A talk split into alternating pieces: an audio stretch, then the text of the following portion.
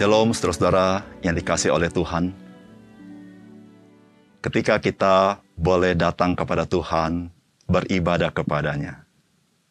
Saudara, bukankah itu berkat yang sangat besar yang Tuhan berikan kepada kita?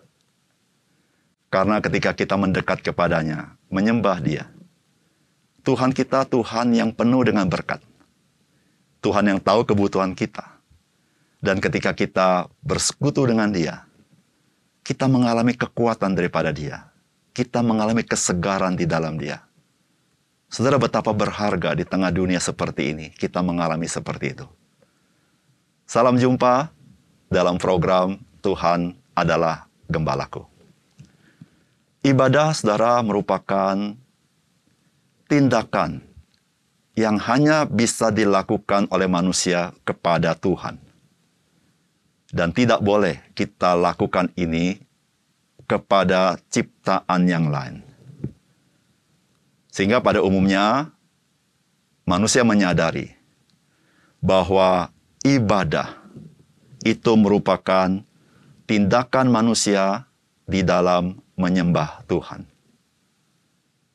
Namun bagaimana Alkitab mengajarkan kepada kita mengenai ibadah? Alkitab mengajar kepada kita bahwa ibadah itu adalah undangan anugerah Tuhan kepada kita untuk kita menghampiri Dia.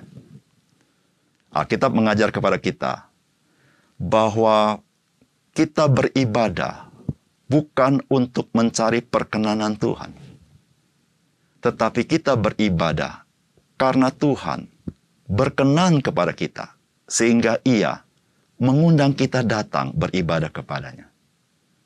Sehingga ibadah bukanlah buatan manusia, namun ibadah adalah desain Tuhan yang Tuhan berikan kepada kita. Dan kita yang percaya kepadanya, taat melakukannya. Saudara, mari kita membaca firman Tuhan. Keluaran 20 ayat 22 sampai 26. Lalu berfirmanlah Tuhan kepada Musa, Beginilah kau katakan kepada orang Israel, kamu sendiri telah menyaksikan bahwa aku berbicara dengan kamu dari langit. Janganlah kamu membuat di sampingku Allah perak, juga Allah emas. Janganlah kamu buat bagimu. Kau buatlah bagiku mezbah dari tanah, dan persembahkanlah di atasnya korban bakaranmu dan korban keselamatanmu kambing dombamu, dan lembu sapimu. Pada setiap tempat yang kutentukan menjadi tempat peringatan bagi namaku, aku akan datang kepadamu dan memberkati engkau. Tetapi jika engkau membuat bagiku mesbah dari batu, maka jangan engkau mendirikannya dari batu pahat. Sebab apabila engkau mengerjakannya dengan beliung, maka engkau melanggar kekudusannya. Juga jangan engkau naik tangga ke atas ke mesbahku, supaya auratmu jangan kelihatan di atasnya. Saudara yang dikasih oleh Tuhan, bagian firman Tuhan ini mengajarkan kepada kita bahwa kita harus beribadah kepada Tuhan, bukan kepada ilah-ilah lain, dan ibadah kita bukan ibadah buatan manusia, melainkan berdasarkan ketetapan yang Tuhan berikan kepada kita. Saudara, apakah pesan firman Tuhan dari bagian ini? Yang pertama, Tuhan Allah adalah roh yang di atas seluruh ciptaannya. Dan ia menyatakan dirinya dengan berbicara kepada manusia. Itu yang dikatakan Tuhan di dalam ayat 22 dan 23. Lalu berfirmanlah Tuhan kepada Musa, Beginilah kau katakan kepada orang Israel, kamu sendiri telah menyaksikan bahwa aku berbicara dengan kamu dari langit. Janganlah kamu membuat di sampingku ala perak, juga ala emas.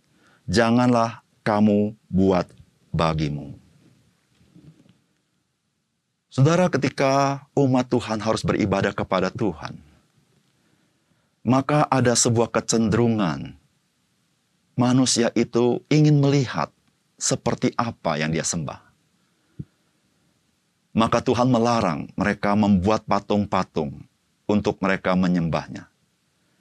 Karena patung-patung itu adalah buatan manusia dan tidak bisa berbicara, tidak bisa mendengar. Tetapi Tuhan yang kita sembah, Dia Allah yang adalah roh, yang tidak terlihat oleh mata, namun Dia sudah ada dan terus ada dan akan ada, karena Dia adalah Allah yang kekal sampai kekal. Dan Allah yang kekal ini adalah Allah yang menyatakan diri kepada umatnya dengan berbicara kepada umatnya. Saudara itu dikatakan oleh Mazmur 115 ayat 2 sampai 7. Mengapa bangsa-bangsa akan berkata, di mana Allah mereka? Allah kita di sorga. Ia melakukan apa yang dikendakinya. Berhala-berhala mereka adalah perak dan emas, buatan tangan manusia. Mempunyai mulut, tetapi tidak dapat berkata-kata. Mempunyai mata, tetapi tidak dapat melihat, mempunyai telinga, tetapi tidak dapat mendengar, mempunyai hidung, tetapi tidak dapat mencium, mempunyai tangan, tetapi tidak dapat meraba-raba, mempunyai kaki, tetapi tidak dapat berjalan, dan tidak dapat memberi suara dengan kerongkongannya. Saudara Tuhan kita, Tuhan yang berbicara. Dan hari ini Tuhan berbicara melalui firman-Nya di dalam kitab suci. Ketika kita berkata, saya mengasihi Tuhan, saya beribadah kepada Tuhan, maka saya haruslah menjadi umat Tuhan yang mau mendengarkan firman Tuhan. Yang kedua, Saudara firman Tuhan mengajar kepada kita beribadah kepada Tuhan itu sesuai dengan apa yang Tuhan tetapkan. Bukan apa yang kita pikirkan. Di dalam ayat 24 dikatakan, Kau buatlah bagiku mesbah dari tanah dan persembahkanlah di atasnya korban bakaranmu dan korban keselamatanmu. Kambing dombamu dan lembu sapimu. Pada setiap tempat yang kutentukan menjadi tempat peringatan bagi namaku. Aku akan datang kepadamu dan memberkati engkau. Saudara yang kasih dalam Tuhan, bukankah ketika kita beribadah, yang terpenting adalah kehadiran Tuhan. Kehadiran Tuhan merupakan perkenanan Tuhan atas ibadah kita. Maka firman Tuhan berkata, jikalau umat Tuhan melakukan seperti yang Tuhan telah rancangkan, maka Tuhan berkata, Aku akan datang kepadamu dan akan memberkati engkau. Saudara firman Tuhan mengajar kepada kita, ibadah orang percaya bukan buatan manusia, bukan rancangan manusia, bukan manusia berusaha mencari perkenanan Tuhan, sehingga manusia membuat sebuah ibadah. Namun, ibadah itu adalah desain Tuhan, karena Tuhan sudah menebus kita di dalam Yesus Kristus, sehingga Dia memanggil kita untuk kita beribadah kepada Dia. Oleh karena itu, saudara-saudara, firman Tuhan berkata di Yohanes pasal 4, 24, Allah itu roh. Barang siapa menyembah dia, haruslah menyembahnya dalam roh dan kebenaran. Saudara Tuhan Yesus berkata, perkataanku adalah roh yang menghidupkan. Dan di dalam firman Tuhan, di dalam Matius pasal 17 ayat yang kelima, dan tiba-tiba sedang ia berkata-kata, turunlah awan yang terang menaungi mereka. Dan dari dalam awan itu terdengar suara yang berkata, Inilah anak yang kukasihi. Kepadanya lah aku berkenan. Dengarkanlah dia. Saudara kita bersyukur. Kita berada di dalam Yesus Kristus. Sehingga kita adalah orang yang diundang untuk beribadah kepadanya. Dan menikmati kehadiran Tuhan yang menguatkan kita. Marilah kita beribadah dengan kerinduan yang besar karena kita sudah menerima anugerah daripada Tuhan. Yang ketiga, menyembah Tuhan haruslah fokus kepada Tuhan, bukan kepada buatan tangan manusia. Saudara dikatakan ayat 25. Tetapi jika engkau membuat bagiku mesbah dari batu, maka jangan engkau mendirikannya dari batu pahat. Sebab apabila engkau mengerjakannya dengan beliung, maka engkau melanggar kekudusannya. Saudara, pencobaan bagi kita yang beribadah kepada Tuhan adalah fokus dalam ibadah kita. Bagi orang Israel, di mana bangsa-bangsa lain ada begitu banyak patung-patung yang dibuat. Maka Tuhan melarang bahwa batu-batu yang dipakai untuk membawa korban kepada Tuhan itu dibuat dengan ukir-ukiran. Supaya mereka tidak sama dengan bangsa lain di mana fokus kepada batu buatan manusia yang mungkin bisa sangat indah. Bagi kita hari ini, sebagai orang percaya, Mari kita ketika beribadah kita fokus kepada Tuhan. Bukan kepada segala sesuatu yang diciptakan oleh manusia. Hati kita, kita datang kepada Tuhan. Bukan tergantung kepada benda-benda yang ada. Bukan tergantung kepada segala sesuatu yang dibuat oleh manusia.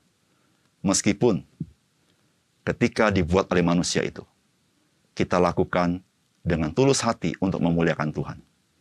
Namun, kita bisa terganggu fokus kita jika kita tidak menjaga diri. Mari kita beribadah. Kita fokus kepada Tuhan. Karena dia yang layak menerima sembah dan puji kita. Mari kita berdoa. Bapak surga terima kasih untuk firman-Mu. Biarlah Tuhan menolong kami. Melalui firman-Mu kami mempunyai sikap hati yang benar ketika kami datang beribadah datang kepada Tuhan dengan kesadaran kami diundang oleh Tuhan karena anugerah dan kasih-Mu, karena kami orang-orang ditebus oleh Tuhan. Sehingga Tuhan ketika kami beribadah, kami beribadah dengan sukacita. Kami beribadah dengan segenap hati kami. Karena kami tahu ya Tuhan, Tuhan hadir dalam ibadah kami. Ya Tuhan tolong kami supaya kami fokus kepada Engkau dalam ibadah. Sehingga dengan demikian ya Tuhan, kami boleh menyenangkan hatimu. Kami boleh memuliakan nama Tuhan di dalam ibadah kami. Terima kasih Tuhan.